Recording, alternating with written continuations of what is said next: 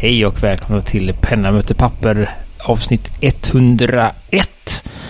Gustafsson här. Hur står det till med Lindeskog och Gudmundsson tro? Det står bra till med Lindeskog. Martin här. Och, och när du har svarat så får jag säga det står bra till med oss Gustafsson. Ja, trevligt också. Så undrar vi då våran gäst som vi har med oss idag som vi ska presentera direkt. Eh, Fredrik Graf, hur står det till med dig? Tack, det är bara bra. Det är spännande att vara här. En omtalad man eh, i podden som nu träder fram med namn och även, eh, vad, är det, vad heter det? Internetnamn och allting. Kommer vi säkert få reda på om en stund. Oj, ja, det ja, kan bli spännande. Och efter sen då kan du säga känd från internetradio. Ja, det är spännande titel att lägga till. Så, men vi tänkte börja med lite, lite uh, av, avrundning på våran tävling vi hade. En lite segstartad tävling, men det rasslade till här de sista, sista dagarna. Eller? Så, här, så att vi fick... Med lite push. Ja, uh, och god uh, tack till Robin får vi säga. Dels för marknadsföring, push och priset som han kommer dela ut. Så vi, han fick ju då välja sin vinnare själv och vi har valt våra vinnare själva om man säger så efter, eh, efter um, Robin hade valt. Um, så vi, jag tänker jag vill börja med tredjeplatsen här då som vi väl har enat om är en pennorm. Handgjord. Och handmålad också. Från uh, Sundsvalls stenbruk eller vad heter Vad har du? Vad heter din... Eh, har du någon, något namn på din konst, konstnärsverksamhet, Gudmundsson?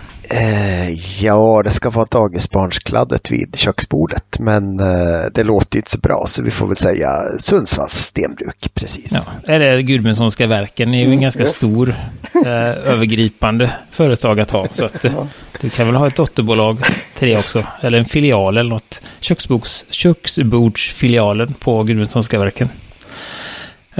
Nej, och då är det... Um, den låt, lyder så här, jag tänker jag läser dem, de är inte så långa haikusarna. Gör så. Pennan frilägger mitt inre universum, magi skapas nu. Och detta är då från Karin Coach. Uh, hon heter något annat. Karin Blad. Karin Blad. Så hon har vunnit en, en handgjord pennorm. Så att, mm. Mm. Det var det, absolut. Och grattis till dig då. Um, och nästa pris, eller nästa bidrag då som vinner uh, pennan. Uh, Platinum Studio, tror jag den heter. låter följande. Spröda skrivpapper. Känns som höstlöv i handen. Kontorsmaterial. Och den kommer då från Martin, du ser namnen här. Carina Redenius. Karina Redenius som säger vi grattis till dig också och tackar för bidraget.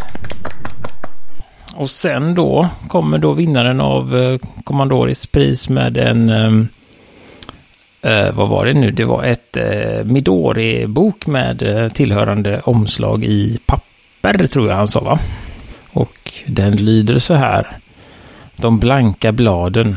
En scen för dina tankar. Stig fram. Gör entré. Eh, och den kommer då från Huset vid, vid Skogsbrynet, är eh, tävlande namnet på Instagram.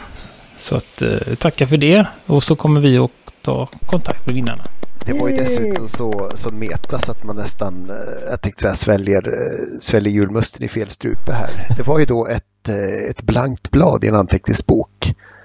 Och dikten inte handskriven men, men ändå så Ja, den är handskriven. Det. Nej, den är inte där. Jag ja, tog inte den. Eh, det kom en ny variant när ah, den var ah, handskriven. Ja, ja, precis, hon, precis. Hon insåg att just det, den skulle vara handskriven också. Ja, ja, ja. Så den finns, men Insta jag var långsammare än Instagram. Det var en ah. story nämligen, så att... Eh, ah, gotcha, var, gotcha. Jag reagerade för sent på den. Så att jag, mm, jag har sett att den är handskriven och därmed följer reglerna vi satt upp. Mm. Och sen får du säga då det tröstpriset eller nitlotten med till gästen då. Ja, Fredrik försökte ju vara med här också. Eh, med något. En icke handskriven, icke haiku eh, dikt. Ja. Mer fritt tänkande i rimform eller något. Aha. Jag vet inte. Ja, jag gillar det. Som Gudmundsson sa. Det var en bra kommentar du sa där Gudmundsson. Mm. Så att det, nej, men det är alltid kul att... Och, och... Rebelliskt, ja. Rebelliskt någonting. En pennorm till honom också. Har du många på lager? Ja, det här är de två sista. Nu måste jag pyssla med barnen igen. Det kommer väl nästa batch kommer väl i februari någon gång va? Ja, vi hoppas. Uh, Nej då. Mm. Mm. Nej men så, så att vi har... Uh, jag vet inte, vill du, vill du presentera dig Fredrik? Nu när vi går över till dig. Oj, ja det kan vi göra. Eh, mitt namn är Fredrik. Eh, jag finns online som väldigt, väldigt många olika användarnamn. Eh, bland annat Badly Drawn Wolf som är min blogg där jag skriver framförallt om pennor och lite tankar och funderingar runt skrivandet och skapandet runt skrivandet. Men den har blivit väldigt mycket om pennor och bläck på sistone så att jag gillar det ändå så att jag håller det. Och sedan ser är mitt andra namn väldigt ofta Foolwolf som jag finns på som Instagram. Där jag ibland då delar med mig lite kortare avsnitt från, eh, av samma ämnen som jag har på bloggar. Men lite foton från eh, pennor, bläck och eh, vardagen så att säga. Och vad ska man säga mer? Inbiten pennörd sedan barnsben. Ja, så pass. Så pass. All, ja, jag har alltid älskat eh, just pennor och kritor och penslar i alla dess former. Inte bara för vad man kan skapa med dem utan även som rena tingestar helt enkelt och verktyg för tankar och idéer. Jag blir ju lite avundsjuk med sådana som har haft det länge. När man själv är, är på, kommit på, kommit på det senare i livet. Men mm, Nej, jag vet inte. Det är lite, jag tänker Gudmundsson, ska du ta oss in i diskussionen och underlaget eller vad? Ja, precis. Den heta potatisen. Nej, men som sagt, ors orsaken till att vi sitter här ikväll är väl att jag och Fredrik för, var det ett par veckor sedan började lite chatta om en eh, Facebook-post som jag tyckte var fasken. Det här var ganska klokt sagt ändå av en inbiten pennsamlare då som hade alltså sett att ja, men det är ju egentligen ganska slösigt det här, men jag har ju haft råd att stamla så att eh, ja, det är väl ingen fara. Men eh, ja, vi kan ju länka till den i show notes där också. Men man kan säga då i, i korthet så tänkte vi att ja, men fasiken var klokt. Och så tänkte jag på, Fredrik har ju faktiskt den här fantastiska egenskapen hos en samlare att han då och då försöker avyttra sånt som man liksom gått vidare ifrån. Och att den fastnade så pass mycket på mig, Facebook-posten var väl att jag nyss hade hört ett bra, eh, bra program om patologiskt samlande då på radio.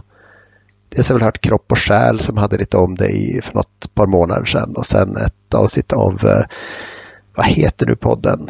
Um, Stuff You Should Know, amerikansk eh, populärvetenskaplig podd. Och det är väl lite intressant för att patologiskt samlande är ju, ja, det är ju en diagnos som är ganska ny. Man har liksom först nu skilt ut den från, från eh, alltså tvångssyndrom och liksom plocka upp alla glasspinnar man ser. Det är liksom något annat som ligger bakom det. Och om det är osäkerheten, svårigheten att sortera eller vad det är så, så verkar han inte svara på samma behandling som, som ja, vanligt OCD eller vad man ska kalla det. Nu är inte sagt att någon av oss lider av patologiskt samlande men jag tycker det är nästan gränsen när man köper alla specialutgåvor av Lami bara för att liksom sådär när den kommer. Och jag, jag tror att en del pennsamlare kanske har en släng av samlande i sig ändå. Alltså, så jag tyckte det var lite kul artikel framförallt. Gudmundsson, ska jag vänta eller får jag vara djävulens advokat direkt? Du får vara det direkt om du vill Martin. Ja. Varsågod. Eh, så jag säger, jag har inte kommit upp till den nivån än eftersom jag inte har de eh, kanske resurserna för att eh, samla i stort, stor mängd. Men vi har väl alla samlat på ett annat sätt och det finns ju sådana till exempel på andra ja, tv-program, antik, vad är det? Vad heter det? Antikrundan och andra saker. Där det är sådana som då samlar för att sen då, som Fredrik har gjort, alltså sälja vidare eller byta till något annat som man vill ha hellre och sånt där. Så man gör det med en insikt och just att man älskar det eller tycker om det på något sätt och tycker det är roligt och det är den här kicken att hitta det där. Den som fattas i samlingen till exempel så ser jag inga problem med det. Sen om det tar över allt annat i livet. till exempel pennor är väl rätt så praktiskt då att det behöver inte ta så stor plats. Jämfört med andra grejer om du samlar på, inte vet jag, ja, eh, bilar eller vad det nu kan vara så, så, eh, så börjar det helt plötsligt bli en annan vad, vad jag än har släpat hem har man alltid kunnat säga det är inte amerikanska bilar som står i trädgård på bockar mm. liksom. Nej. Så, men det, men det här att, att hela tiden ha no någonting, men det kan ju vara det där en del samlar ju då för samlans skull och att inte använda. Så för hur många pennor man behöver, hur många skor behöver man och så vidare. Men det är ju upp till en själv. Och det är därför jag tyckte när jag läste igenom det att det var både intressant men också lite, det kanske är djupare att det är kanske någon eh, eh, sjukt, ja vad det nu är. Men det är också eh, psykologiskt, mentalt att man ska känna sig inte skyldig men det, det är lätt hänt att folk pekar finger. Det är det jag är rädd för också. Om någon har verkligen passion, tycker om någonting så ska inte någon annan komma och säga varför har du för många pennor eller vad det nu är. Om man säger så.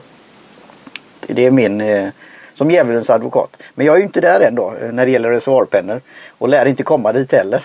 Men jag, jag har en annan fråga sen längre fram då om den här idealpennan. Men det kan vi ta sen då och priset på den och annat. Jag tänkte bara liksom ta mina tankar. Nu får vi se hur man kan, för den eh, vad heter det, posten eller inlägget vi pratar om ligger ju i en... Ska vi, ska vi summera, summera, vad heter det, artikeln kanske lättast att börja? Ja, för där ligger ju en grupp som man kanske måste bli medlem i och så måste man hitta bland åtta miljoner inlägg och sånt så att det kan hända att man, om man klickar på den så kan det hända att man går vilse.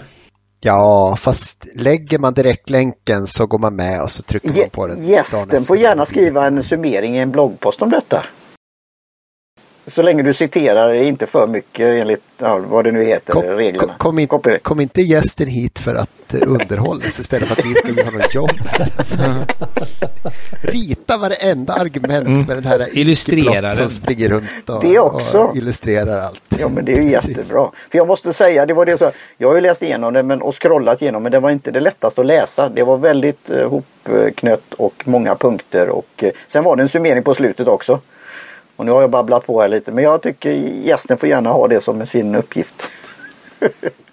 Att summera. Ja, på, din, på ditt sätt sen. Men eh, Gudmundsson tillbaka till dig. Du, ska du ta en, eh, låter Gudmundsson summera som ändå har, antar jag, läst den flest gånger för att eh, ha en djupgående diskussion om den. Vad har du, har du någon snabb, snabb Nej, men Precis, för att summera nu vad Gary Green här då kommit fram till är väl att eh, han känner väl ganska många i Fountain Pen Community då som har någon sorts liten sådär, ja, ganska stor samling av eh, high-end pens då.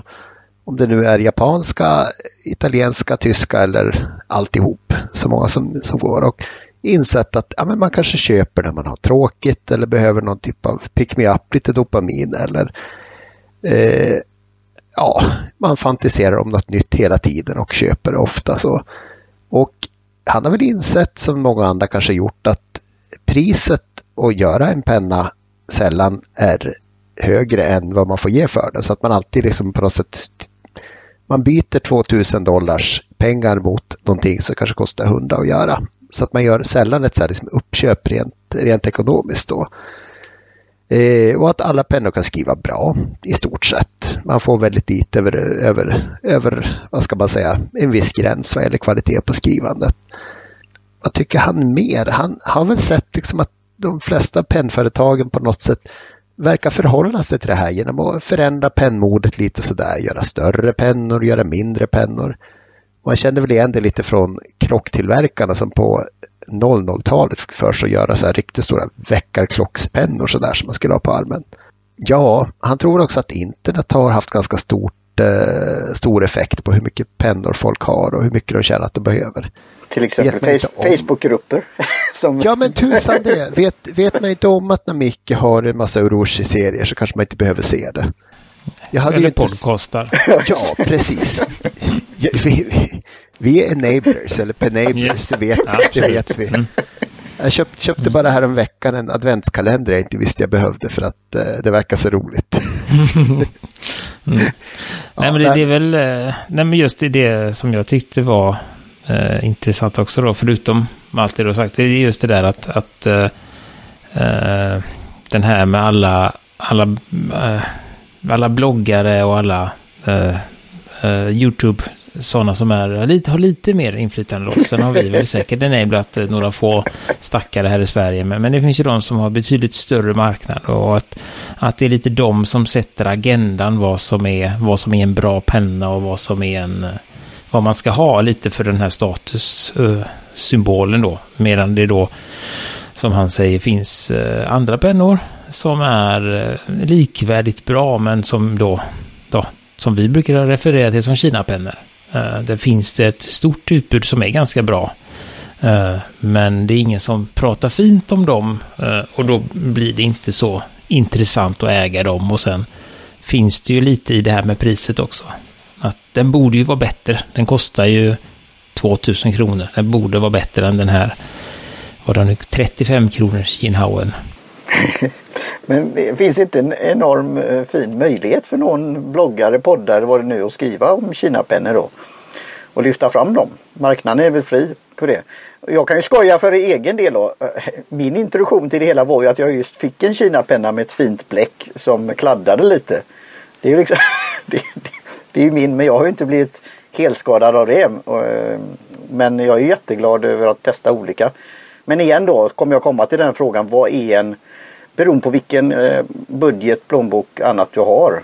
Du ska inte, vad heter det, uppoffra dig för någonting annat som är viktigare naturligtvis. Men eh, där kan, det har vi ju alltid, kläder, you name it. Eh, men det finns väl någon form av kvalitet för ett visst pris och sen när man går över precis som vin att det, ja då är det bara de ja, samlarna som kanske ser det som en investering eller de fin som verkligen kan se skillnaden. Eller så kanske inte ja, det går vid ett visst tak då. Eh, men, men jag tror ju säkert att det är en del som det är ju, går väl eh, mode i det hela och det finns vissa som kanske understöd på något sätt. Men eh, jag vet inte. Men det är väl fritt att lyfta fram andra eller skriva om andra eller sånt där. Det är väl ingen, finns väl ingen lobby om man säger så av en visst pennfabrikat eller annat sånt där. Men det, men det blir ju ändå en, har ju, har ju blivit någon form av hierarki i det hela. Där, där vissa, vissa personer som är framgångsrika har en större tendens att få pennor som är lite dyrare. Som på så sätt kan som säga, sprida vatten på kvarnen. Medan det finns eh, ett flertal blogg, eh, som YouTube-kanaler som bara kör Kina-pennor. Alla från Jinhao och Duke och sånt. Och, och liksom, det är det enda de köper. Men de får liksom inte genomslagskraft på samma sätt då. Jag tror Fredrik viftar lite med eh, handen här. Eh, ja, jag skulle säga det. det är precis på det som Martin sa där att det skulle finnas en bloggare som är väldigt specialiserad på detta. Och det gör ju faktiskt det. Det finns en kille som heter Rathburn som eh, är en av de stora personerna på just Kina-pennor. Han kör alltihopa från Jinhao, han kör Moonman som heter, vad heter de, Mayon nu efter att de blev av med sitt varumärke i Europa. Uh, han kör även flertalet indiska pennor och så vidare. Och så kör han ju då självklart då lite finare pennor. Men han är en stor konnässör utav uh, många kinesiska märken och hans favoritpennmärken är väl Moonman och Pen BBS. Tror jag som han uh, pratar väldigt varmt om. Och han får väldigt mycket pennor skickat till sig från kinesiska tillverkare. han är ganska snäll Eh, skulle jag säga i, i sina omdömen av en del pennor. Eh, men han kan bränna till ganska rejält också ibland så att han känns eh, ganska ärlig i alla fall. Eh, han, han tjänar ju inga pengar på sin blogg som man säger utan han vill mest visa upp pennorna. Sen tror jag ju att han personligen kanske får pennor som de har verkligen kört en kvalitetskontroll på innan de skickar ut det. Och det är väl det som är den största grejen just med Kina-pennor skulle jag tro. Det skulle jag väl säga också efter något, eh, något års Kina-pennköpande innan jag fastnade för de här dyrare sakerna. Det är väl lotteriet men och vi, utan att nämna något namn då, då ska jag ge mig ut i eh, Johan Gustafsson, vi pratade ju lite off, off record om ett visst märke som är har högt anseende och har en viss prisnivå. Men eh, Johan undrar lite om just om kvalitetsarbetet där. Har jag sagt för mycket nu eller för lite? Eller kan vi... Nej, du har sagt för lite som vanligt Martin. Ja. Nej, men jag vet inte om, jag vet inte om, han, om han tar upp det i där. Men, men det finns ju en... Eh, vi vill inte bli stämda för, eller något sånt. Nej, men det finns väl en myt ja, okay, en om myt, kvalitetskontroll. med de flesta företagen skulle jag säga att de då, när du köper en lite dyrare penna av något av de stora märkena från Tyskland eller Italien eller någonting, att de då testar varje penna eh, liksom personligare. Att de har en person som skriver med varje, varje spets för att se om de är i, i skick. Eh, och det har jag ju otroligt svårt att tro att, att någon av dem gör. Eh, att alla, alla pennorna verkligen testas för hand. Nu, nu, nu vill jag slänga in att eh, när du köper en Lamy för 200 kronor så har du bläckrester i den. Beroende på att eh, det har suttit en eh, person och åtminstone dragit några åttor och tittat att den inte är alldeles galen, spetsen. Så att jag tror inte att det är orimligt att de gör det. Ja, men jag tror inte att aldrig, eh, det kan hända att, eh, att, att de... Äh, sen frågan om de har, om det är, som sagt, om det är en person varje gång eller... Sen, sen för vet jag till exempel om 2000 då, om vi nu ändå pratar om det märket, så, så, så sägs det ju att där är det ju ett steg upp i kvalitetskontrollen. Äh, att man, att man tunar och ställer in varje penna efter att man har testat den. Äh, Fast detta är ju alltså Lami Safari. Ja, nu jag menar jag menar, men just att, att Safari gör man lite snabbt med att kolla så att den är okej, okay, annars så slänger man väl spetsen och sätter på en ny antar jag. Men att man då, när man då betalar mer, som för Elami 2000, så får man också en liten inställning.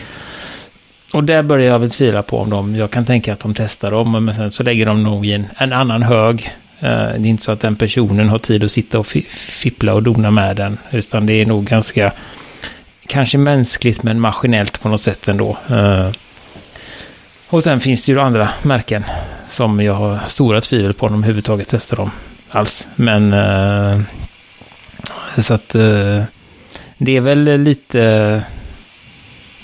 eh, skönmålat överlag kan jag väl tänka mig. Just det där att det Men det var i alla fall dyrt och billigt och eh, jag tycker det var liksom en lite sådär ja, artikeln kommer väl in lite på det också, men framförallt tycker jag det är kul att har eh, Pennorna har blivit större under min pennördstid kan man säga. Det har blivit betydligt fler oversized pennor som har kommit sista åren. Och det är ju liksom en, en smaksak och då plötsligt väcker man ett intresse av att utvidga sin samling lite sådär. Men det jag tänkte fundera lite på efter att ha liksom läst den här, vad, vad, vad, kan vara ett rimligt samlande? Finns det något? Det, det, är klart det beror på vilken person man är och vart man är i livet och hur mycket tid man har, hur mycket pengar man har och så vidare att lägga på, på sina hobbys. Vad skulle du säga Fredrik? Är det något som... Ja, jag, jag funderar på detta. Jag drar ju min gräns eh, väldigt personligen för mig själv. Liksom. Och det tror jag att de flesta personer ska göra. Man ska titta sig själv i spegeln och känna liksom så länge den här hobbyn får mig att må bra, den ger mig mer än vad den tar. Så anser jag liksom att hobbys som att samla det är någonting vi har med oss från urminnes tider. Liksom. Samlare och jägare fick vi lära oss när man gick i förskolan nästan på att säga. Så men det finns ju de här behoven hos oss. Och så länge man inte försakar någonting annat, lite grann ungefär som man gör sådana här standardiserade hälsovårdskontroller. Har du druckit för mycket? Har du rört dig för lite? Och så vidare. Samma sak någonstans får man väl dra gränsen även för samlandet. Har du försakat någonting annat viktigt på grund av ditt samlande? Har du köpt en eh, Mont Blanc-penna istället för att köpa nya, eh, nya gummistövlar och regnkappa till din grabb när han ska ut och leka liksom. Då har du förmodligen problem. Men så länge du känner det att nej, men det, jag har köpt en ny penna, jag har sett fram emot den, jag har varit ute och jagat på nätet, jag har fått hela den här tillfredsställelsen att ta reda på vad det är för något, vad jag tror den ska göra. Den kommer, man testar den, man försöker lösa den här magiska treenigheten. Vilket papper, vilket bläck, få den perfekta flytet när jag skriver. Och så länge det känns givande så tror jag liksom att ja, men då är du inom marginalerna för vad som är ganska okej okay, liksom. Så fort du får den här känslan däremot att jag borde inte. Jag borde inte ha köpt den här. Att du ångrar dig en liten stund efter du har gjort köpet. Då kanske man eh, behöver se över sin eh, formula för hur man faktiskt gör. Eh, själv brukar jag säga så här 24 timmar. Från det att jag ser någonting som inte är på min bucket list och till ett bra pris som jag redan har bestämt mig för så ska jag ha 24 timmar. Jag går ofta och frågar min fru så hon får avgöra liksom hur, hur galen är jag kontra eh, ja men det här är, det här är en, du ser faktiskt uppspelt ut så det här är nog någonting du verkligen vill ha. Men 24 timmar innan jag köper någonting minst bara för att känna att eh, det mognar. För det är som ni var inne på. Internet har ju gjort väldigt mycket. Jag, alltså, nu har jag ju gått igenom ganska många olika pennmärken men långt ifrån alla. Och det finns så mycket pennor som man aldrig någonsin har hört talas om. och så många olika pennmakare och då har vi inte ens kommit in tror jag stort i Sverige på den största pennmarknaden som är Indien. Som jag tror är förhållandevis okänt för väldigt, väldigt många. Eh, och det är bara att gå in och söka på indiska pennor på till exempel Reddit som har ett väldigt stort underforum. Och det finns en indier där som bara rabblar upp 40 olika märken rätt upp och ner och sa ja det här är sådana som finns i min närhet. Och man bara inser att just det, i Indien så skriver man fortfarande väldigt mycket för hand för de tror på det som inlärningsbeteende. Så där är det skolpennor men det är också för företag och eh, hela livet så har man med sig pennor. Och där är en stor, stor marknad vi inte har börjat på än. Intressant. Då har vi ett tips här för en framtida kanske gäst på den internationella edition. Eh. Jag tänkte bara liksom också lägga till, till just att eh, och det tänker jag med det som Fredrik sa, att, att där har man ju olika eh, Eh, kapacitet och det är väl därför det är så svårt att svara på frågan som, som vi eh, pratade lite om eh, innan. Jag har märkt att, att jag tycker det är när jag börjar få upp mot en 25-30 pennor eller någonting sånt som jag, då pratar vi reservoarpennor. Eh, då börjar jag tycka, alltså jag tycker inte om när jag inte använder mina pennor på länge. Om en penna ligger för länge i lådan utan att komma in i rotationen, då känner jag lite den här, fan alltså, ska jag, varför ligger den här? Uh, och den siffran är ju olika för olika personer. Hur mycket tid man har att rotera pennor och hur mycket tid man har att testa och sånt. Så att man kan ju vara någon form av samlare med med låg volym och man kan vara en samlare med medelvolym och en samlare med jättevolym. Att man kanske har 500 pennor. Men då blir det ju en annan. Det är olika. Jag är väl mer en praktisk samlare. Som sagt att jag vill ha testa många olika pennor. Men jag vill också känna att jag använder dem. Och om jag inte använder dem så uh, så kan man låta dem gå egentligen. Ja, men ja. precis. Och det är väl där jag är nu. Jag håller på att försöka tänka ut vilka, vilka som är lite varmare om hjärtat av de jag har och vilka jag ska låta gå. För det finns ju, tänkte det finns ju olika sorters samlingar också. Det finns ju märkessamlingar, det finns ju temasamlingar och sen finns det så här liksom, ja men jag samlar på lite vad som verkar intressant och vad jag tror jag behöver just nu. Och åtminstone jag är väl på den sista posten i mitt, mitt pennköpande där. Eller har varit, jag taggar ner lite nu. Jag tror att tomten kommer med en kul penna till jul, men sista pennan jag köpte var en begagnad eh, Moonman som jag gillade. Så att eh, det har inte blivit så många per år nu. Och det är nog bra tror jag då. För jag har fortfarande inte mera händer och mera att skriva. Och det var ju också en, en viktig del i den här långa eh, artikeln som Gary skrivit att, att det spelar ingen roll vad, hur mycket pennan kostar, du skriver inte snyggare för det. Eh, utan det, det är något annat som den, den ger då. Eh, nej, men så... Uh, nej, precis. Så det, det är väldigt olika. Uh, vi ska se om, vi, om man kommer till den här artikeln. Han har ju vansinnigt mycket pennor och väldigt fint uppställt och han har dem väldigt sådär att han verkar ha alla, alla pennor av alla, om man säger så, alla varianter av 1911, alla varianter av vad det nu är, Platinum eh, 3776. Och det är ju en, en eh, då samlar man ju, alltså det finns ju olika, som du säger, olika, eh, vad man, vad man har för mening om man bara vill vara. Och det behöver ju inte ha, det finns säkert samlare som samlar på reservoarpennor för att de är samlare. Men jag tror att vi här samlar ju för att vi är intresserade av eh, produkten, av pennan, av funktioner vi vill mera utforska vad som finns, vad som passar för oss. Eh, och då tänker jag för dig Gudmundsson som ändå har samlat länge har väl hittat lite att ja men det här är det jag gillar. Jag är inte så intresserad av. Du behöver väldigt mycket lockelse från internet och så för att för att du ska gå igång på att kanske skaffa något nytt. Alltså nu är det framförallt så här eh, vackra varianter av det jag redan vet att jag kommer att tycka om ungefär jag bestämde att tomten får komma med en vacker eh, Swedish fika hallongrotta. Eh, och så köpte jag en rolig, eh, vad heter det, häftapparat som skrynklar. jag tänkte jag måste testa skrynkeln. Så det har Ja, du, har, du har, vik, du har eh, klipp på viken nu då, så du ska ha skrynkeln också? Ja? Jag har skrynkeln också som jag plockar med till jobbet på, eh, ja, till nästa vecka här. Så. Så jag menar, man testar ju fortfarande lite, men man, man vet ungefär på pennor att är det en jättevacker pelikan, ja men då blir det kanske den. Men det som jag tänkte jag skulle eh, fråga Fredrik här också lite, eh, men jag tänker också komma att tänka på det nu just att, att när man pratar om samlande inom då eh, stationary så pratar man ju alltid bara om reservoarpennor. Sen att man har liksom lådor hemma med kulspetspennor eller blyertspennor. Eh, det är inte liksom, det är inget samlande.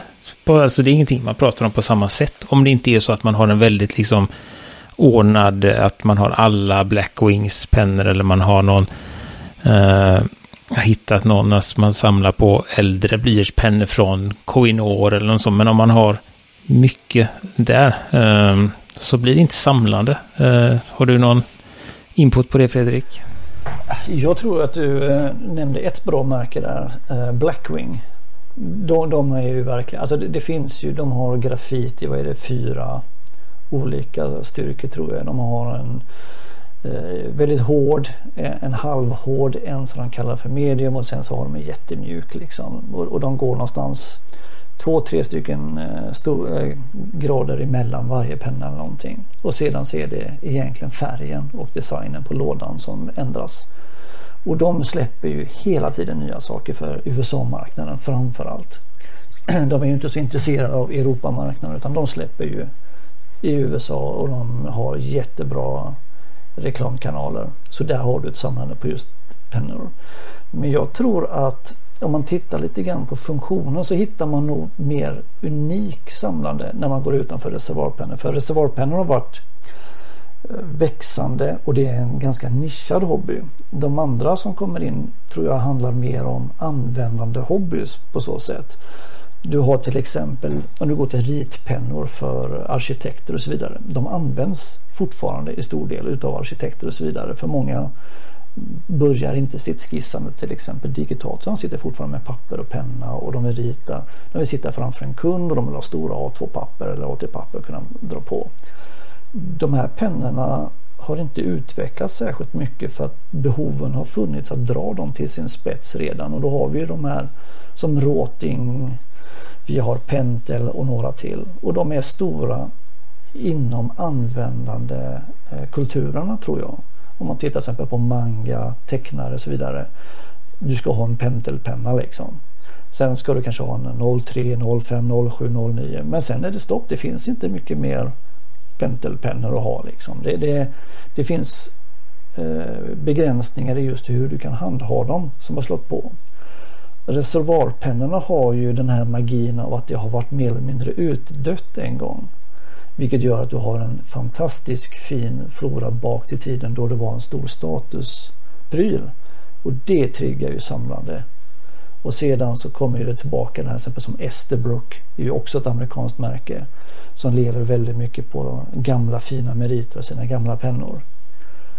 Eh, och det, det, tror jag liksom startar helt enkelt olika synsätt på vad det är. Det är mer eh, vänligt att börja samla någonting som är lite mer specifikt gjort för samlande och har varit den här statusprylen.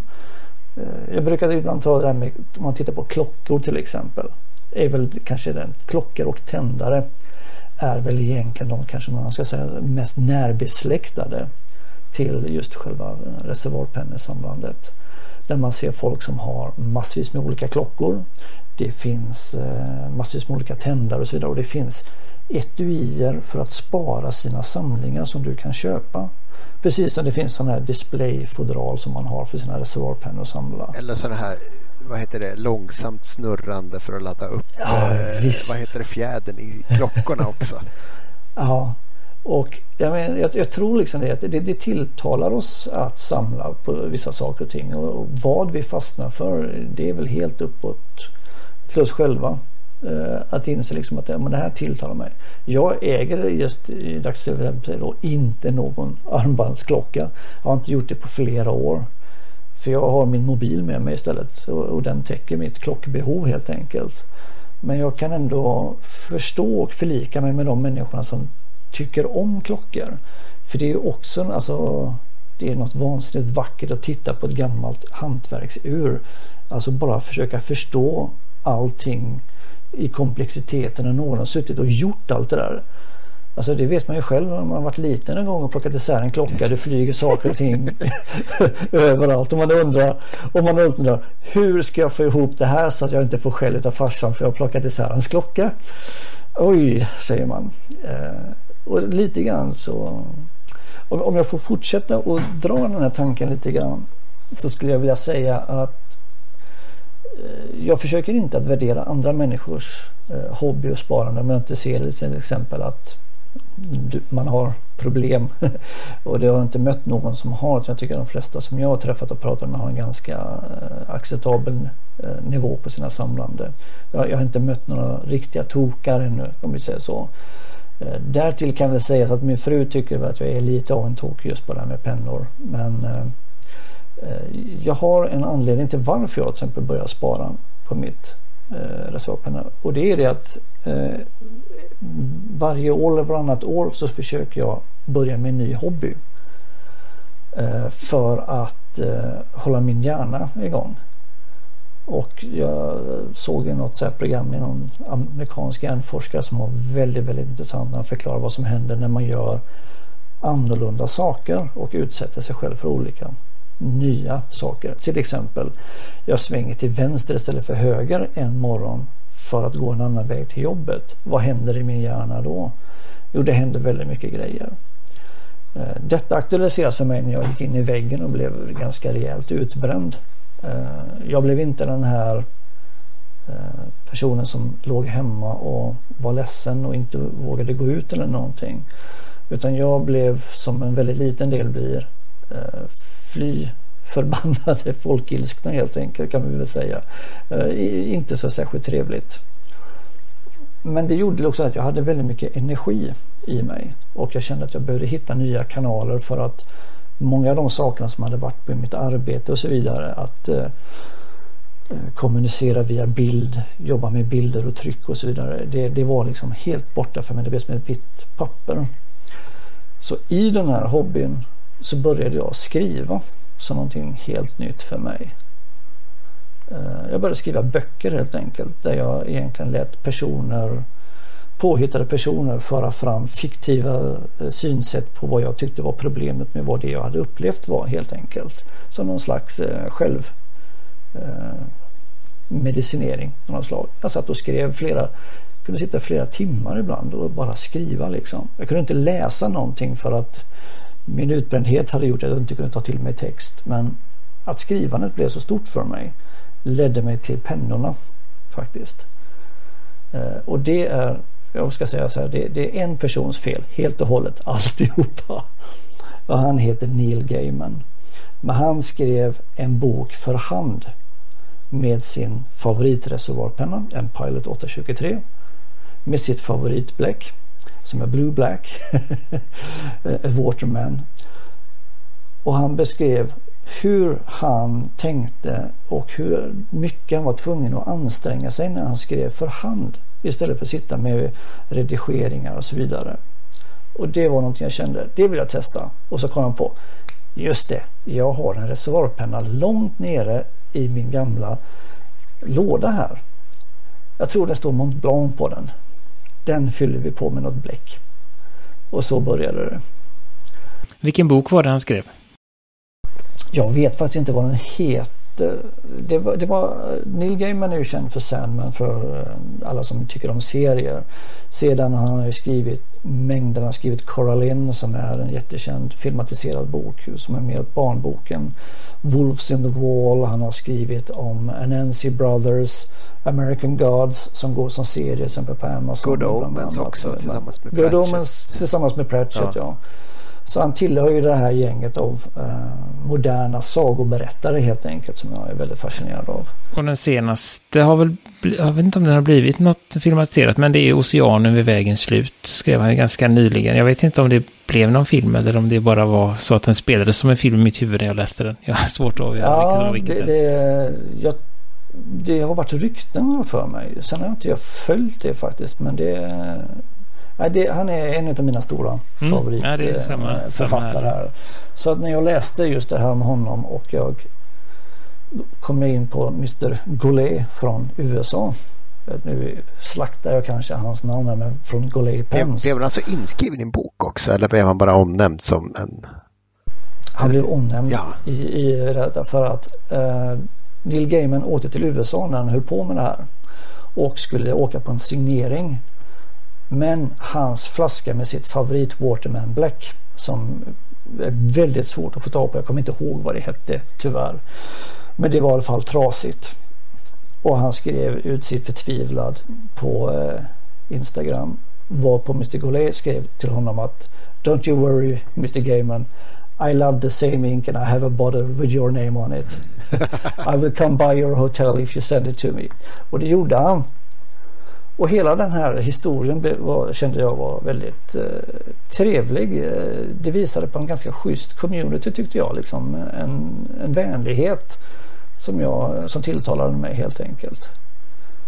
Så att eh, sen efter det så började det växa liksom det här med att man såg olika pennor. Man testade, tänkte så här att den där pennan den ser ju väldigt konstig ut. Är den annorlunda? Hur funkar det här? Och, och spelar det någon roll? Och så sitter man där plötsligt i träsket och tänker att oj då, kan den här vara bättre? Kan den här vara sämre? Och sen så efter ett tag så tror jag att man kommer att, för att återvända till eh, vår artikel vi pratar om. Jag tror att man kommer till eh, de här små punkterna där man tänker att man får ett uppvaknande lite grann med vad håller jag på med? Och ju djupare man har gått in i någonting desto större tror jag att den här självrannsakans chocken kan vara helt enkelt. Och om man ser på hans samling så är den den är tämligen imponerande ska jag säga. Eh, och om man tittar på märkena så, så har han ju verkligen gått in för vad jag skulle snarare säga är det är samling för egen bruk eller status snarare än för att det är bra pennor att skriva med. Vi kan väl förenkla det så. ja, så jag tycker jag ser Pelikan och Sailor där så jag tycker inte att det är helt fel. Nej, Pelikan och Sailor tycker jag är, det, det är bra välskrivna pennor som är klart. Men sen så har han det mest fascinerande i den här posten är ju att han ändå han inser att jag har gjort samma resa med 700 klockor eller eh, vad det nu var, tändare eller vad sa vi? Och slipsar och allt vad det var. Slipsar och 700 tobakspipor, böcker och allting. Och han tycker att ja, men jag har den liksom, det här är mitt utlopp liksom för det här. Men han har ju, hade ju ofta det som var intressant också just med att han hade ju ändå någon form av, han, som han skrev att uh, han känner att nu är jag klar. Och då sa han, när jag känner att jag har alla pennor som jag behöver, ja men då köper jag, då hittar jag något annat att samla på. Så att han har ju den.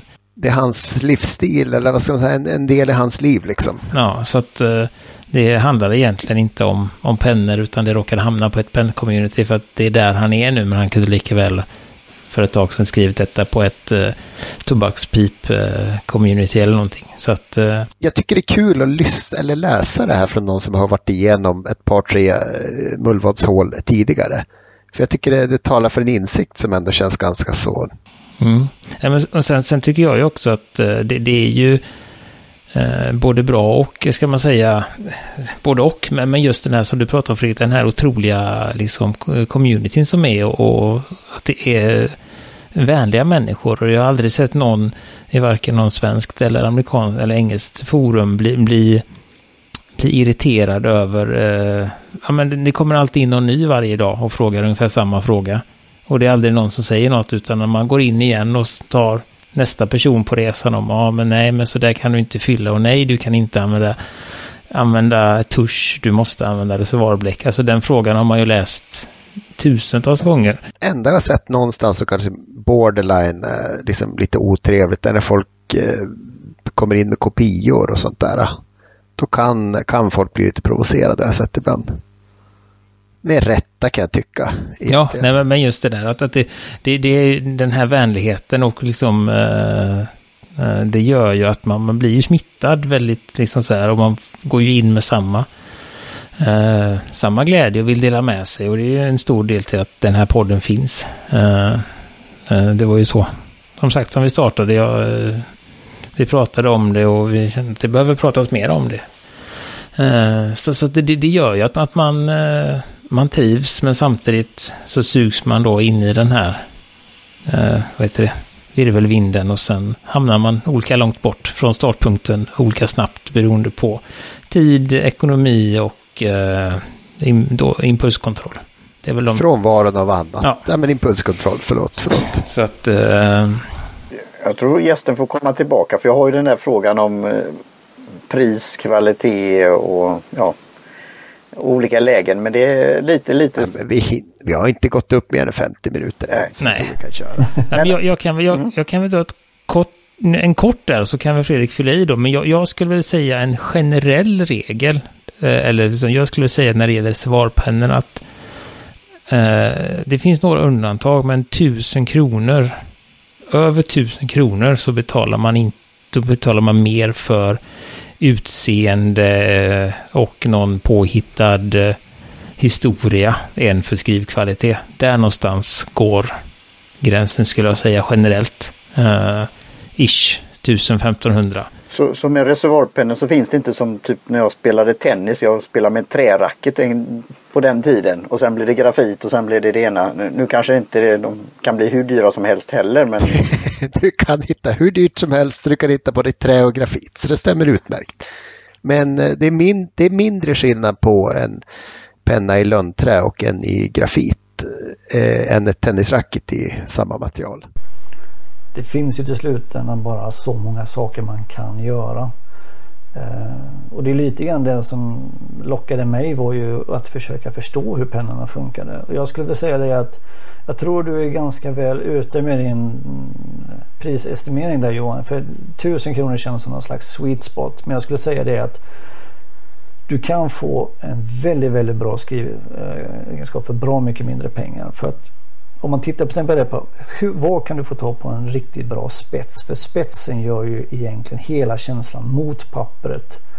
Och du kan få en riktigt, riktigt bra stålspets från exempel fpnibs.com. Nu får ni refusera mig om jag säger någonting direkt här. Men det, det, är ett väldigt bra ställe som säljer väldigt bra spetsar och de kvalitetskontrollerar alla spetsar de skickar ut. Och du betalar ungefär för en Jovo-spets kanske 250 kronor för att få hit den. Till det behöver man en bra kropp. För det är resten av pennan då. Den som du håller i. Och där är det ju väldigt mycket. Hur är din hand utformad? Vad har du för skrivstil? Vad tänker du skriva? Tänker du måla? Teckna med För då behöver du en annan penna oftast än vad du skriver med. För att du anstränger olika muskler helt enkelt beroende på vad du gör med den. Men en bra kropppenna kan du få tag på liksom från Kina. Om du har tur. Eh, till exempel Moonman gör ganska bra kroppar faktiskt. Eh, det gör billiga akrylplast. Känslan är inte i dem. Men de funkar. Däremot kan du få riktigt fin känsla i pennor som ligger runt kanske mellan ja, 3 till 500 kronor. Där kan du få bra resolut känsla. Det är inte de vackraste, det är inte de bästa eller mest gedigna kanske. Men det är helt okej okay och bra. Och sedan behöver du ha ett bra flöde i pennan. Och det får du genom att du har en bra huv som täpper tätt så att inte du, eh, pennan torkar. För det är en stor bov. Och sedan behöver du ha rätt bläck och rätt papper. Så att, eh, men då bygger du penna på kunskap snarare än att du köper det till någonting. Ska du köpa en riktigt bra penna där du kan fortfarande väldigt lätt känna skillnaden.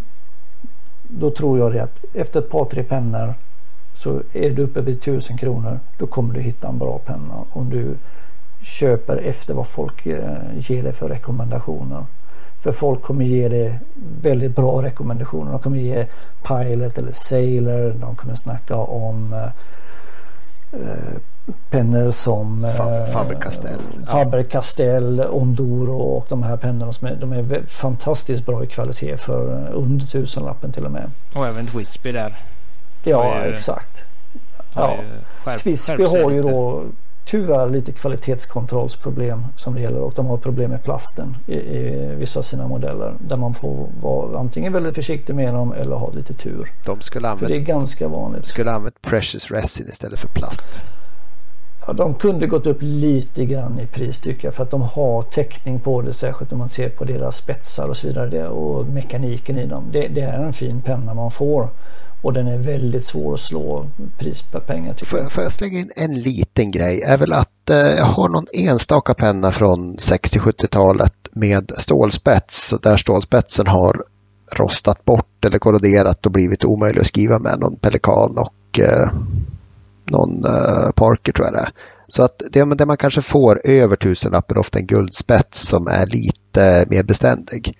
Samtidigt inget som säger att mycket annat på pennan kan rosta och se fult ut. Till exempel den här onödiga ringen längst fram vid, eh, vid spetsen som alltid blir då inkapslad i en fuktig miljö. Så att eh, man, man, kan vinna lite på spetsen om man gör den i guld men det märker du inte förrän 20-30 år. Och aldrig om du inte bläckar pennan. Så det är lite... Ett bra tips, eh, jag vet inte om jag ser någon, men silikapåsar som man får med sig i eh, allting. Istället för att slänga dem med att de är väldigt miljöovänliga. Släng dem där du samlar någonting som ska vara torrt. Eller samla dem och lägg dem i skor och så vidare. Låter du dina Jätte... pennor ligga öppet då med huven av? Eller? Eh? Jag, ja, jag har en, ska vi se, jag sitter där vid mitt lilla analoga skrivbord. Jag har den, den här grejen, det är ett gammalt whiskyglas som har en silikapåse Eh, massvis med eh, bomull, lite papper och sånt. Där i när jag tvättat en penna så stannar de alltid ett dygn. Då får den stå där? Ja, då får den stå där eh, och då tar jag isär den och sedan så torkar jag ibland, ja det värsta, med en Q-tip eller någonting. För Q-tips kan man återanvända sen som testa färger och så vidare med. Men då torkar pennan alltid när jag ska spara den. Jag aldrig liksom låta den vara blöt eller ligga med bläck i någonting. Och samma sak då med konverterarna, du drar alltid ut dem.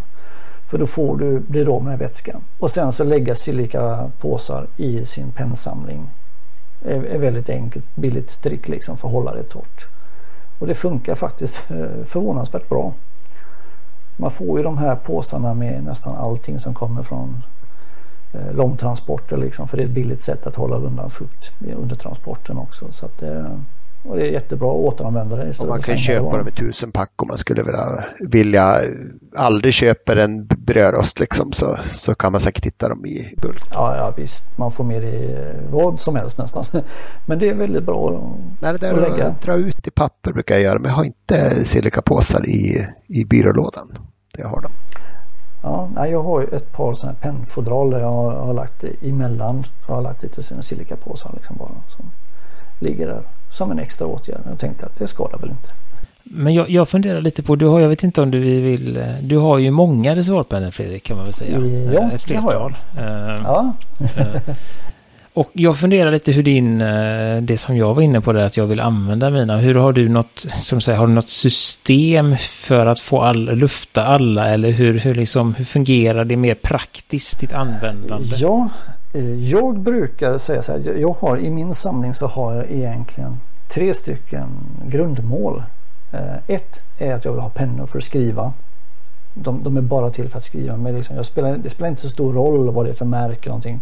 Det är en penna som jag tagit upp någon gång när jag fått den och jag har inte slutat att skriva för jag tycker bara om att skriva vad som helst för att just den här känslan med pennan mot pappret får mig att kunna bara slappna av och börja skriva mina små berättelser. Jag brukar alltid börja skriva en rolig grej istället för eh, vi har den här vad heter den? The Lazy Dog Jumped over the Brown Fox. Jag brukar alltid göra varianter utav den. Jag skriver om zombies istället av någon konstig anledning.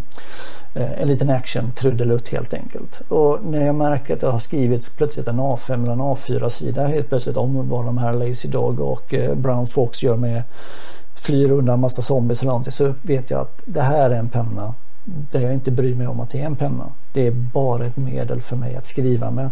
För det bara flyter på. Jag, jag liksom kommer i någon slags det här är en sweet spot för mig. Ja, exakt. Det är creative flow. Och de pennorna eh, lägger jag åt ena sidan. Liksom. Det, det är sådana pennor jag känner att ja, men det här det bara funkar. Sen har jag mina Opus 88 pennor där jag hade någon slags vag idé om att jag skulle ha alla Opus 88 pennor för jag tyckte om dem. Jag ville spara på dem. Där är det samlingspennor. Sen släppte de en rushig variant för en hisklig massa pengar som jag inte kan försvara att köpa. Så den idén föll tyvärr. Men eh, jag har de flesta modellerna utom eh, tre modeller just nu på Opus 88. Eh, så att, tanken är väl att jag ska skriva klart alla dessa pennor på min blogg då för det är det som samlade driver är ju min blogg lite grann att skriva om pennor och om saker. Och jag har ju till exempel haft väldigt många Moonman-pennor innan så jag har ganska många recensioner på Moonman också. Sen har jag ju det här att jag tycker om att teckna, kludda och skissa och ha mig för det är ett sätt för mig att eh, både tänka, eh, samla mina tankar när jag sitter i möten och så vidare. Och även att jag tycker om att eh, göra det rent kreativt också. Och då är pennor som jag tycker om att rita med eh, eh också en av de här speciella pennorna. Och där skulle jag säga att reservatpennor är svårare att hitta för det här med att rita faktiskt. Så jag blir fascinerad ibland när jag ser någon sitta med en penna och rita och tänker bara hur lyckas han med det? Jag, jag kan inte rita ett streck med den här pennan för den är för torr eller den har för mycket sweet spot. Jag kommer inte runt. Men så att där, där har jag liksom de här eh, tre sakerna.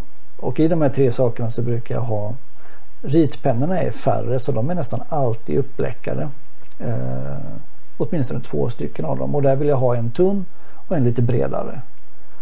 När det kommer till skrivande pennor och de pennor jag samlar så får de eh, bytas varje vecka eller varannan vecka. Och då har jag oftast eh, en enkel formel som heter en röd, en blå, en svart, en kul. Och det är helt enkelt liksom, jag försöker ha en, jag vill alltid ha en penna som man kan sträcka mig efter som har svart. För det, det är liksom en av mina basfärger. Och en annan färg som jag älskar att skriva med för jag tycker det är lättare att läsa. Ja, det är en blå penna. Och sen en röd penna. Ibland blir det en kul penna för jag kan inte komma på någonting vettigare den här veckan. Till exempel. Men, eh, rött eller gult, orange bläck. Eh, lite kul, någonting som sticker ut från vardagen. Gärna någonting som man känner att det här är inte standarden. Plocka upp en gul penna mitt i mötet och folk tittar så här. Vad sjuttsingen är det där liksom?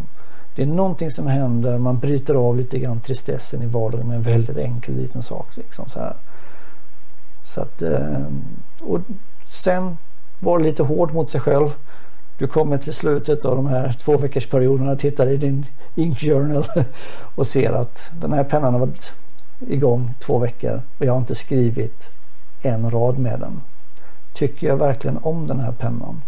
Och då är, frågan, svar, är svaret nej, jag, jag, jag drar mig från att använda den. Då kanske man ska tänka på att bläcka om den i ett favoritbläck så du vet att du tycker om bläcket. Och är det inte någonting som händer inom dig låt pennan komma till någon annan person som uppskattar den. Vi är alla väldigt, väldigt ovan, eh, annorlunda i vad vi tycker om. Så en penna som du inte tycker om kan vara helt magisk för någon annan. Och då tycker jag att det är bättre att man släpper vidare den. Ja, det har jag ju gjort nyligen, en, en, insikt som jag inte... Jag har svårt att släppa den eller acceptera den, men, men eh, Lamy 2000 är ju en sån som har varit bläckad otaliga gånger och ändå inte skrivit med och den ligger i lådan och jag känner att den här kommer jag nog inte skriva med någon gång. Men ska jag verkligen göra mig av med den? Alltså den är, så den, den har varit en, en, en pågående process som nu börjar närma sig att ja, jag kanske ska göra det ändå. Eh, men jag tänkte på det och de eh, samlingskategorin är inte så intressant för de, de ligger väl mest antar jag. Alltså som eh, obläckade som, som en samling. Men, men vad har du i nuläget om vi så underlättar, vad har du för, för eh, eh aktiva pennor i skrivande och tecknande kategorin för att ge det lite Just idag så har jag faktiskt två stycken eh, reservoarpennor. Eh, för jag har betat av min bucketlist här nu under Fountain Pen Day och Black Friday. Eh, någonting som är väldigt bra är ju det här att man vet om att den kommer så jag har sparat undan lite pengar och sen så har jag sålt av en del pennor inför detta faktiskt specifikt då för att beta av min bucket list för det är väl lite grann där jag är i mitt samlande. Jag har ett par pennor jag verkligen vill ha. Och sen kommer jag, så känner jag den mättnadsgraden den stiger ganska snabbt nu för varje penna som jag plockar av från den här listan. Men just idag så har jag Eh, en helt ny penna eh, som jag skrivit om på forumet. En eh, Pilot Falcon med eh, då eh, resinbody, inte den med metall och den här lite konstigt böjda spetsen på. Och jag kan väl säga som så här att jag ångrar att jag inte köpte den här som kanske en av mina första tio. Då hade jag nog inte köpt så många pennor. Jag har läst om den jag har hört många illustratörer och personer som jobbar mycket med den och som säger att den är helt underbar. Till mitt försvar ska jag väl säga att med den kunskapen och över 250 pennor under bältet som jag har gått igenom så förstår jag varför den är så bra just nu. Den var helt fantastisk just för det här ändamålet att teckna och rita med. Vilken spets sa du att du hade på den? Jag har en uh, Fine faktiskt på min. Mm. Uh, och har du den fine, uh, hårda Finen om man säger så? Ja, ja. Den, den, hårda det är då Falcon-pennans Falcon-spets som vi säger så. Så att det är inte en specifik penna med den gamla klassiska Falcon-spetsen. Mm. Samma som Mattias Adolfsson använder då. Som vi pratade om med i avsnitt 63 tror jag det var. Så ja, att, ja, så att eh, jag förstår varför han har den. Helt klart. Eh, sen har jag en Leonardo eh, Momento Zero. Momento Zero är eh, en penna som jag haft ett lite bråkigt förhållande till. Men jag har märkt på senaste tiden att ju mer du skriver med pennan desto bättre blir de. Det är verkligen en penna som växer med tid. Och jag trodde inte att det skulle Eh, var så. Det är lite grann som när man höll på med hörlurar att man hörde om den ska spelas in i 300 timmar. Tänkte man, ja, ja men det är ju bara hjärnan som ändrar sig tidigare. Vad sjuttsingen. Men de ändrar sig, flödar bättre. Och den här bläckade jag med eh, Platinums Carbon eh, bläck. För jag tänkte att ja, men jag struntar i om den här går sönder. Jag kör på nu liksom. För jag, jag har, lite, har ett kärleksförhållande just med den här pennan. Och den visar sig älska Carbon Blacket. Och jag har haft jättekul med den här pennan helt plötsligt. För plötsligt så flödar den bättre och jag kan rita och teckna med den vilket är väldigt kul. Skriva har jag gått tillbaka till en penna som jag funderar på om jag verkligen gillar den eller inte och nu är vi nästan inne på den här. Är det en samlingspenna eller är det en brukspenna? Det är en eh, Sailor 1911 Promenade heter den här. Det är en Hard Medium Fine spets. Och jag kan väl säga så här efter jag bara testar den efter jag har kört väldigt mycket italienskt och amerikanskt och mycket Jovo och boxspetsar så det är en brukspenna. Den är den är bara så fruktansvärt bra att skriva med. Eh, japanerna är, de är lite annorlunda än vad resten av oss människor är just när det kommer till kvalitetskontrollen. Det är eh, någonting lite speciellt när du går upp i pris på just de här eh, japanska pennorna. Det är sällan man blir eh, missbelåten med dem faktiskt. Mm. Nej, men det, det, är samma känsla jag har där när jag nu skaffade min 823 som vi pratade om, Neil Gaiman-pennan. Uh, så tänkte jag väl också så, men hur bra kan det vara liksom? Vad, vad är det alla, men lite som du hade med Falconen där. Vad är det alla pratar om? Hur, hur bra kan en penna vara egentligen? Uh, ja, men så bra kan den vara. För den var, uh, det var något makalöst med den i, i allt. skriva, alltså det var en annan, annan division helt plötsligt. Ja, min, när jag köpte min Pilot 823 efter jag fick den och bläckat den och skrivit med den så kände jag liksom det, jag gick och strök hälften av min bucket list efter det. det. det. var liksom, nej, jag är inte intresserad av det här längre liksom. Det här var så bra helt enkelt. Men jag har en fäbless för italienska pennor lite grann. Jag tycker om dem för de är vackra. Uh, italienarna gör väldigt mycket vackra saker och från de här avfällningarna med Omas och Delta och så vidare så finns det väldigt många unga företag i Italien som gör pennor. Leonardo Momento Zero är ju en av de här stora pennorna som kom från detta. Eh, och sedan så har du Gioia, du har Majora och några till. Mm, det här är en Majora. Eh, senast en Pos Posilipo, tror jag det uttalas. Alla italienare som kan, liksom kan italienska, ursäkta mig att mörda språket. Jag är inte så bra på språk tyvärr. Men jag älskar att höra italienska. Halva nöjet tror jag är att man sitter på en italiensk hemsida och bara läser vad pennorna heter. Det är inte Pilot 823 utan de heter Momento Zero Grande och en lång, lång förklaring och jag tycker det, jag bara gillar det. Det, det, det är något eh, magiskt i bara de här orden de använder för att beskriva pennorna. Sedan ska jag också säga att italienska pennor är de pennor jag kanske känner är största risken att du åker dit på eh, mer pengar än vad det är värt. Eh, kvalitetskontrollen är väl inte alltid det bästa. Men köper man via lite bättre personer eh, eller företag som har en eh, Nibmeister hos sig och du kan få den checkad gör det. Det är värt att vänta två, tre veckor eller betala extra för. för att när pennan kommer till dig och du ser att det fortfarande är lite bläck kvar i den och att någon har skrivit ett brev med den till dig. Då vet du att den funkar och det gör de. Så att det här är en extra fine spets. Jag hade aldrig köpt en italiensk penna med extra fine om jag inte hade vetat att en Nibmeister hade tittat på den innan. För de kan vara som hårda nålar med värdelöst flyt i sig. Och det är som att skriva med en gammal bläckstålskrivare som håller på att torka igen. För det, alltså, är det en eh, spetsmästare man ska kontakta? Gör man det när man beställer pennan eller är det någon extern tjänst? Man... Det finns både och. Vissa av de här lite större företagen har intern eh, quality control där de tittar på den. Eh, till exempel, nu kommer jag nämna lite namn igen. Jag hoppas det är okej. Okay. Men vi, vi säger Fonto Plumo är ju ett ställe där de tittar på den själva lite mer. De har ingen uttalad Dinmeister men de är väldigt kunniga själva.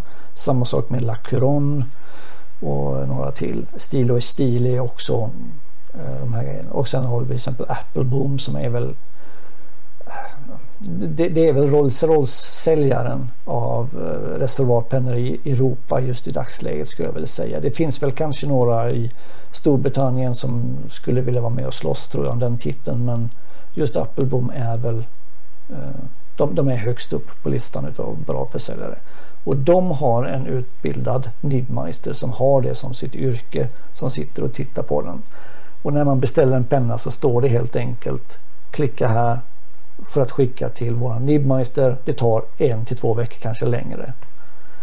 Det, ser du den rutan någonstans, klicka i den. Det, det är min varma rekommendation till alla som köper pennor. Mm. Och de, just på Appleboom där, så när man köper lite, lite dyrare över våran rekommenderade nivå, 1000 kronor, så, så, så bjuder de på den tjänsten, om man säger så. Så då är det bara att klicka i och, och vänta. För att det, ja. Annars skulle jag säga att eh, var lite grinig av dig. Eh, var inte så eh, nöjd alltid var inte så svensk kanske vi skulle säga som en dansk chef vi hade på Nordenkontoret en gång sa. Jag är inte så jävla svensk. Våga ifrågasätta. Eh, acceptera inte att köpa en penna för eh, 200 kronor som inte kan skriva för då är det inte en penna längre du pratar om. Då pratar du om en brevvikt. Eh, och många utav de här företagen har en online-närvaro. Eh, de är inte särskilt glada om du skriver vilken skit den här företaget säljer till oss till exempel. Men är man lite artig, skickar ett brev till dem och säger att det här är min upplevelse som jag har haft med era pennor. Finns det någonting ni skulle kunna hjälpa mig att fixa det här? Så har jag märkt att det finns väldigt många som är villiga att göra någonting för att hjälpa dig. Faber-Castell är ett av de trevligaste företagen i Europa på detta. Så att köper man en sådan penna och den inte funkar så kan man alltid höra av sig till dem. Och jag har haft goda eh, diskussioner med kontoret i Tyskland eh, med ett flertal pennor faktiskt. De är väldigt, väldigt snälla och trevliga. Och det ska man väl lägga till också som du nämnde det med förtydligat att även om man köper en billig penna så ska den fungera. så tänk inte liksom att ah, den kostar bara 200 kronor, skit i det. Utan nej, men den ska ju fungera då också. Uh, så att det, där får man uh, ligga på sig. Och det är ju en stor anledning till att man bör köpa inom, inom EU framförallt. Då, för då kan man, kan man uh, bita tillbaka om det inte funkar. Det är värre med, med via Ebay eller någon kinesisk sida att, att klaga på spetsen på sin nya Jinhao eller jag skulle nog säga att eh, handlar man via Ebay så ska man nog se till att handlar du från företag och du betalar till exempel med Paypal så har du ju möjligheten att eh, få tillbaka en del i alla fall utav eh, utgifterna. Köpa direkt från kinesiska sidor eller andra sidor direkt utanför EU. Det finns väldigt många som är villiga att eh, hjälpa dig. Men problemet är att du ska då skicka pennan till dem kanske. Och då upptäcker du att frakten kostar 199 kronor för en penna som du betalade 129 kronor för. Du har inte samma möjligheter som de här företagen som har haft stora avtal med olika post eller leveransföretag. Och då är det inte liksom mm. Jag brukar säga så här, betalar du 200 kronor Se det som ett par öl på krogen du kan ha en jätterolig kväll. Du kan också ha en väldigt tråkig kväll. Liksom, för det, du vet inte riktigt vad du får. Alltså. Men köper man från EU eh, e är det en penna du betalar för så är det en penna du ska ha i slutändan. Och en penna skriver.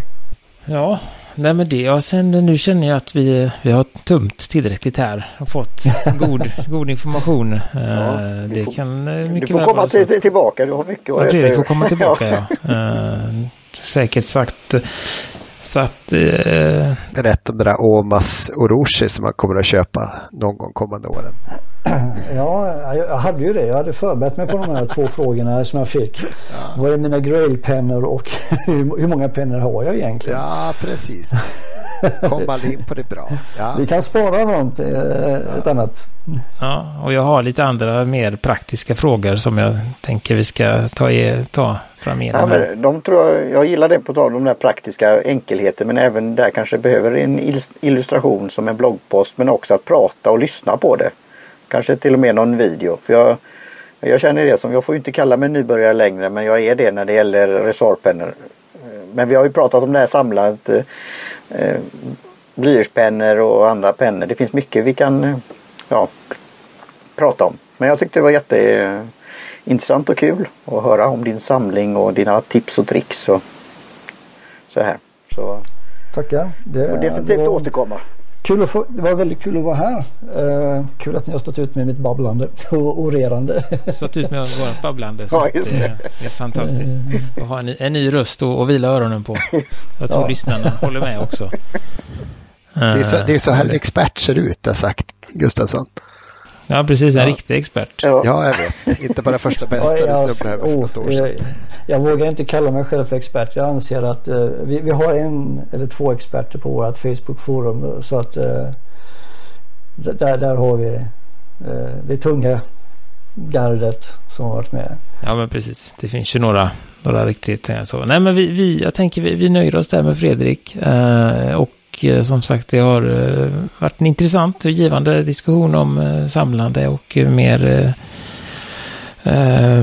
ja, stora, stora frågorna. Men jag tänker du kommer tillbaka och där vi fortsätter lite som vi gjorde på slutet här. Att man går in mera på konkreta tips och sånt. För jag, tror att det är, det är nyttigt för de som är tidiga i, i, alltså både på alla nivåer, det som precis har börjat eller som ligger på Eh, Eh, som ligger på en eh, Safari som vi pratade om och kanske vill upp lite och sånt. Ta lite konkreta tips eftersom du har, eh, som du sa, 250 pennor har passerat genom dina händer. Eh, du vet ju lite eh, vad som finns, ja men lite så. Eh, det finns några säkra kort och det finns några osäkra kort som du varit inne på. Så att jag tänker vi, vi gräver ner oss i det framigenom här när det passar. Uh, och så säger vi så, så tackar vi, vi tackar väl alla som deltog i Haiku-tävlingen och gratulerar vinnarna igen. Uh, tackar alla som lyssnar. Vi tackar Fredrik för att han tog sig tid. Uh, Tack för att jag fick komma.